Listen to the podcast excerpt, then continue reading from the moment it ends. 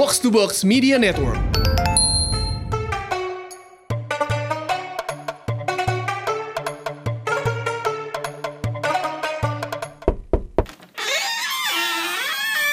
Assalamualaikum warahmatullahi wabarakatuh. Uh, sekarang gue bersama dengan Dita dari podcast Halo Goodbye. Apa kabar Dita? Baik kak, Weh, akhirnya kita punya kesempatan ngobrol. Habis mau ngobrol keburu pandemi. Ngobrol ketemu pandemi. Iya sih. Uh, Sebenarnya lo penulis kan, maksudnya lo baru punya podcast kan setelah tulisan lo setelah buku lo dijadiin podcast gitu kan? Iya betul. Ya, Jadi kan lo the first and foremost lo penulis gitu writer ya sama lah kayak gue sebenarnya gue juga sampai sekarang masih lebih pengen disebut penulis sih dibanding yang lain karena menurut gue itu lebih secara intelektual lebih berbobot gitu ya gak sih iya benar kayak orang kalau denger lo penulis ih kok penulis hebat banget. Apalagi kalau udah tahu lo punya buku jadi kayak lo nilai plusnya di mata orang tuh lebih hebat. Karena rata-rata kan kalau penulis tuh baca suka baca pintar apa hmm. gitu. Padahal kan ya kadang kita juga ada ada apanya gitu. Iya. Yeah. um, gue mau nanya dong sama lo. Lo perjalanan menulis lo tuh gimana ya? Dari kapan? Uh, terus kapan lo merasa bahwa wah gue kayaknya bisa nih make something out of my writings dan kira-kira uh, apa aja yang udah lo lalui sejauh ini? Wah ini bisa 10 episode podcast sendiri nih. Jadi awalnya gue menulis itu karena uh, waktu gue kecil kan gue agak diposesifin sama nyokap gitu kan. Nggak hmm. boleh main keluar rumah dan semacamnya. Jadi yang gue lakuin adalah baca buku gitu. Gue baca majalah dan semacamnya.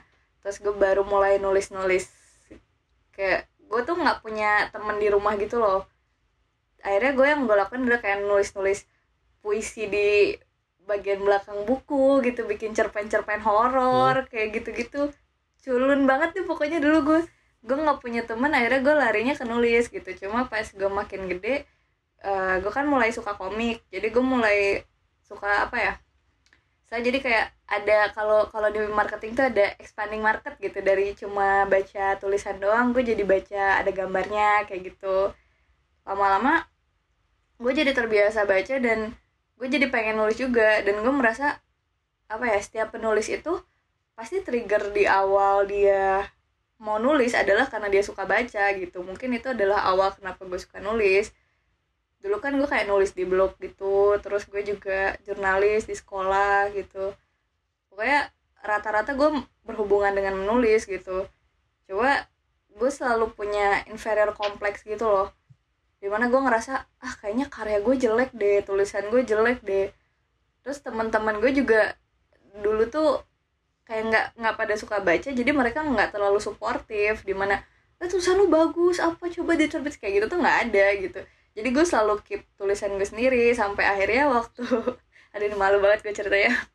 Waktu umur gue tujuh belas waktu itu gue naksir uh, senior gue anak ITB terus terus gitu tuh kayak apa sering banget ngobrol dan kalau misal dia ketiduran tuh habis dia ketiduran tiba-tiba dia paginya ngechat gue dia selalu bilang hello Dita hello Dita. Malu. Iya dari situ gue kayak ngerasa oh kata hello ini lucu juga ya gitu di disambung sambungin nama gue makanya username gue kayak gitu. Terus waktu itu gue kayak mau ngasih kado gitu ke dia ngasih kadonya tuh uh, gue suka nulis di Tumblr. Nah itu tuh kadang gue nggak bisa ngomong langsung ke dia gue tulis aja cerita ceritanya sampai akhirnya gue post tapi dia nggak tahu gitu. Terus gue kumpulin cerita ceritanya mau gue cetak kasih ke dia tapi ujung ujungnya tuh kayak nggak jadian juga gitu. Terus e, naskahnya masih ada. Akhirnya berapa tahun kemudian tujuh apa berapa gitu naskahnya gue kumpulin semua. Terus gue apa gue cetak gue cetak indie si Hello Goodbye pertama. Akhirnya ya udah tiba-tiba di didatengin sama penerbit kan email mau nggak Hello Goodbye kamu dicetak? gitu. Akhirnya ya udah gitu. Gue cetak jadi seperti sekarang gitu. Ada podcastnya dan semacamnya. Tapi kadang gue jadi malu gitu loh kak. Karena itu kan gue bikin waktu gue masih umur 17 masih labil masih culun. Jadi kadang cerita-ceritanya tuh masih cisi-cisi so indie gitu loh. Masih ceritanya kopi senja kayak gitu. Seiring waktu berjalan gue jadi uh, apa belajar banyak gitu. Gue mulai belajar nulis untuk komik gitu belajar nulis untuk novel belajar nulis untuk copywriting copywriting lainnya kayak gitu. Sampai ya bisa seperti sekarang. Singkatnya seperti itu. Berarti udah udah berapa kali publish buku berarti? Ada berapa yang Hmm, buku publish gue itu udah ada empat judul. Jadi buku pertama tuh Hello Goodbye. Hmm. terus gue jadi tapi nggak semuanya nulis gitu loh. Jadi eh, tiap buku tuh role-nya beda. Yang pertama gue jadi penulis sama ilustrator yang Hello Goodbye itu di bukunya eh, gue sempet nemenin Rintik Seduh gitu gue jadi ilustrator bukunya dia di buku Rahasia Gis tuh dua. Berarti terus yang ketiga tuh komik gue. Komik gue judulnya Blue Serenade tuh gue nulis. Bukunya udah terbit dua volume gitu. Sama terakhir itu gue bikin artbook. Artbook itu isinya gambar-gambar gue jadi full ilustrasi gue semua gitu. Jadi tiap buku tuh role-nya beda kadang gue bingung juga orang kalau mau baca cerita gue di mana gitu. Masih akan bikin kayak gitu lagi nggak? Dalam artian eh, apa yang ada di pipeline lo yang ingin lo terbitkan ke Eh, depannya? banyak sih kayak rencana lo. ada dua judul Hmm. novel yang sampai sekarang masih gue kerjain gitu. Terus gue juga masih bikin kayak buku-buku prosa dan puisi yang kalau gue curhat-curhat di sosmed atau di mana tuh dulu gue kumpulin juga. Cuma gara-gara pandemi tuh jadi kayak sekitar tiga buku gue tuh kena pending. Jadi harusnya tahun ini bisa rilis tiga cuma Hmm. bisa rilis satu gitu. Jadi gue tuh kagum sih sama orang yang bisa publish buku banyak ya. Gue gue tuh punya buku eh, buku gue yang di publish itu cuman ada satu judul tapi ada dua volume gitu. Itu tuh tahun 2000 2014 itu pun bukan itu bukan eh, itu pun bukan naskah yang gue bikin khusus buat diterbitkan ya dalam artian itu adalah kumpulan tulisan gue di segala macam media masa gitu. Terus ada penerbit yang datang untuk eh, penerbit itu bilang sama gue mau nggak gue dibikin buku? Gue bilang selama gue gak harus nulis baru gue mau gitu kan. Nah dan gue tuh selalu di selalu ditawarin ayo ayo bikin buku apa pun itu deh yang mau lo bikin tulis aja. Kita kita nggak bakal ngeliatin kita nggak nggak bakal rese. Pokoknya akan akan kita terbitkan. Nah itu udah udah dari tahun 2015 tuh ngomong kayak gitu ke gue. Sampai sekarang gue nggak pernah ke-publish sama sekali. Gue nggak pernah ngirim tuh naskah gue karena kagak pernah gue kerjain. Pertanyaannya kalau buat lo adalah lo tuh menulis karena lo merasa eh, lo harus menyalurkan lewat tulisan jadi lo masih menganggap sebuah hal yang lo cintai yang lo seneng gitu atau lo sudah melihatnya ya ini sebuah hal yang profesional buat gue gitu. Kalau lo gimana? Kalau gue sih keduanya sih kak. Eh, di satu sisi ada beberapa tulisan gue yang memang menurut gue sangat personal gitu. Gimana gue kalau misal nulis puisi cerpen gitu itu itu sangat personal gitu sama gue. Jadi kadang saat gue lihat review-review orang tuh orang selalu bilang aku nggak ngerti cerita ini dan semacamnya gitu. Karena menurut gue tulisan tulisan gue tuh sangat personal gitu kayak banyak experience experience yang udah gue alamin atau temen-temen gue dan semacamnya gitu sama in professional way juga sih karena kan gue beneran eh, kerja sama sama orang gitu untuk nulis di mana gitu. Kayak gue ngerjain komik kan itu gue kerja sama sama orang juga dan gue dibayar untuk itu gitu. Jadi apa ya? Hmm. gue juga professionally gue adalah penulis dan gue juga personally adalah penulis gitu loh.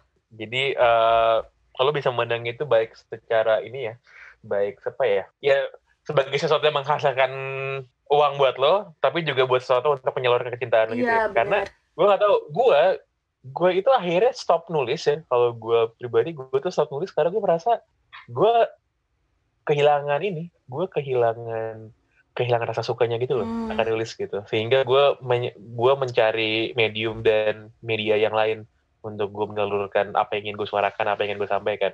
Nah eh, lo pernah nggak berada di momen atau dalam periode waktu tertentu di mana lo merasa eh gue nggak pengen nulis nih gue nggak bisa gitu. Gue pengen stop dulu bikin apa-apa gitu dan gimana cara lo untuk bisa ngatasin itu. Oh gue pernah banget kak. Eh, gue tuh sering banget yang namanya writer block gitu. Misal makanya kenapa sih Hello Goodbye itu kan kayak jangka waktu dari dia pertama gue tulis sampai gue mau rilis tuh kan kayak tujuh tahun. Karena di jeda tujuh tahun itu gue ngerasa kayak tulisan gue tuh jelek orang lain kok udah bisa rilis buku gue enggak gitu dan semacam semacamnya jadi gue juga ada inferiority di mana aduh kok tulisan gue gini-gini aja? Kok gue nggak maju-maju? Gitu. Terus itu keulang lagi pas sekarang-sekarang gitu. Saat gue di posisi yang gue bisa menulis kapan aja ternyata gue juga bisa merasa nulis tuh jadi capek gitu. Karena gue jadi beban gitu loh. Ada momen di mana Hmm. gue ngerasa nulis tuh beban. Bukan kalau dulu kan gue nulis karena personal gue pengen menyampaikan sesuatu yang gue nggak bisa sampaikan secara verbal kayak gini kan. Jadi gue tulis. Tapi karena istilahnya gue tuh kayak ngasih makan orang gitu loh.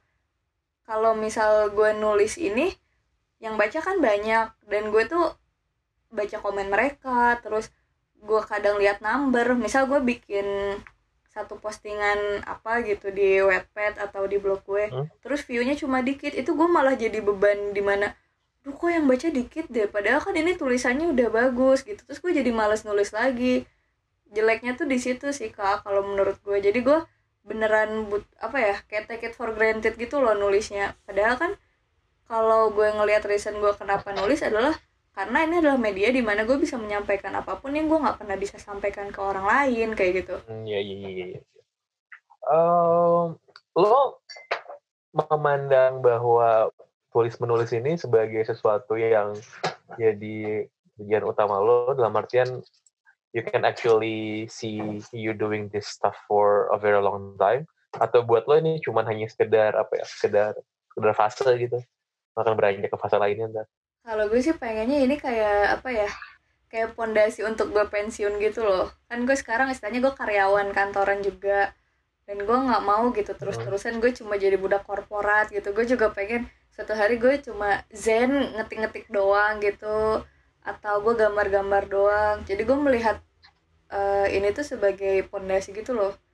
Jadi kalau orang lain kan kerja capek untuk nabung gitu dan semacamnya. Kalau gue tuh kerja dan membentuk diri gue yang sekarang adalah supaya nanti saat gue pensiun gue benar-benar cuma ngelakuin apa yang pengen gue lakuin. Misal kayak berkebun terus uh, nulis gitu nulis cerpen-cerpen nulis puisi-puisi atau bikin novel atau ngapain. Hal-hal yang kayak gitu sih kayak yang gue pikirinnya. Bukan cuma sekedar finansialnya doang karena gue ngerasa kalau urusan uang tuh rezekinya tuh bisa dari mana aja gitu. Bukan cuma dari hobi kita bukan cuma dari kerjaan pokok kita sekarang gitu. Cuma gue mikirin tua nanti tuh gue bakal ngapain gitu. Gue nggak mau tua tuh tetap jadi karyawan aja gitu. Nah gue di situ sih mikirnya. Uh, bagus perspektif sih iya soalnya gue pengen yang kayak tuanya beneran uh, cuma piara kucing nulis-nulis doang berkebun apa kegiatan-kegiatan yang menurut gue zen gitu kayak di Harvest Moon. Lo padahal masih lama banget itu kan tapi bagus bagus lo sudah berpikir sudah berpikir jangka panjang udah nyampe sini. Uh, iya kak soalnya kalau takutnya nanti udah tua gue udah nggak terkenal lagi. Jadi nggak punya fondasi apa apa jadi dari sekarang aja. Uh, terakhir apa satu hal yang yang lo jadi selain tadi ya selain soal kita cita masa tua lo itu hmm. apa hal lain yang pengen lo lakukan pengen lo capai dengan kreasi tulis menulis lo baik itu tulis menulis ataupun ilustrasi gambar tugas segala macam apa sih satu ultimate goal yang pengen lo capai yang pengen lo bikin? Sebenarnya sih uh, jujur aja gue tuh udah dikabulkan sama box to box gitu loh. Ini sorry banget ya pendengar kapangnya gue nggak peres. Jadi gue tuh uh, waktu bikin buku Hello Goodbye itu gue ngerasa bahwa gue nggak mau ini jadi film gitu. Kalau film kan hmm. imajinasi orang tuh jadi terbatas gitu loh kak. Jadi orang cuma melihat pemerannya itu settingnya di situ tapi saat gue bikin itu jadi drama audio gitu kayak yang gue bikin di Hello Goodbye orang tuh ngebayangin banyak gitu. Stasiun kereta tuh dia bisa ngebayangin mungkin itu ada Kalibata mungkin Jatinegara mungkin itu di Surabaya dia bisa melihat itu di banyak tempat gitu. Terus kafenya mungkin di kafe kesukaan dia dan semacamnya. Jadi gue kayak memperluas uh, imajinasi mereka gitu loh lewat si podcast Hello Goodbye gue itu. Jadi ya gue thanks to box to box juga sih yang udah ngasih gue kesempatan itu. Jadi kalau ditanya goal gue dari menulis buku dan semacamnya ya sejujurnya udah kecapai gitu. Jadi sisa-sisanya gue mungkin bikin podcast audio lain gitu. Soalnya bikin podcast audio tuh seru banget sih menurut gue karena lo nggak pernah kebayang muka orang itu tapi lo bisa jatuh cinta sama karakternya lewat suaranya gitu loh. Iya yes, betul. Iya kayak gitu. Eh ngomong-ngomong uh, podcast Hello Goodbye episode 12 kan belum tag nih. Hmm. Terus? gue agak menyiapkan satu cerita favorit gue. Dan itu gue pengennya lo yang tag lo mau nggak tag untuk apa episode finalnya Hello Goodbye oh. season 1? Hmm. boleh, boleh. Soal apa ceritanya? Gue jadi pengen tahu nih. Soal apa? Ah, intinya kayak gini sih, gue pernah, uh, jadi kan rumah gue tuh di Bandung dan gue Hmm. mulai pindah Jakarta tuh sekitar tiga tahun lalu dan gue ada momen Lebaran tuh hampir nggak bisa pulang gitu, bukan gara-gara pandemi. Jadi gue mikir gimana sih rasanya kalau lo sibuk bekerja di kota sampai lo nggak bisa pulang ke ketemu orang tua lo gitu. Jadi gue temanya mudik gitu si episode Oh. final ini berhubung kayaknya rilisnya juga bisa pas mudik. Ya udah, ayo kita kerjain sini. Ih seru banget. Soalnya ini eh, apa ya? Ini kan gue bikin pas gue udah udah segede gini gitu, bukan pas gue umur-umur yang masih naksir-naksir anak ITB itu. Jadi jadi beneran eh, personal isu yang udah nempel di gue tuh udah banyak gitu. Jadi kayak wah ini salah satu masterpiece gue gitu. Jadi gue simpen aja ini belum dapet pemeran yang cocok kayak terus apa kayak oh kayaknya kapannya cocok nih gara-gara gue denger yang podcast lo itu loh kak yang sama Karana Oh, yang oh ya cukup menarik ya. Iya, Hmm. terus gue ngerasa, ih kayaknya karakter yang terakhir ini cocok nih kalau Kapangnya ngisi gitu. Ayo sini kita kerjain. Ah, seru banget. Nanti gue Siap. bilang deh ke tim. Thank you banget. Oke, thank you Dita udah ngobrol-ngobrol. Iya, thank you juga udah diajak ngobrol.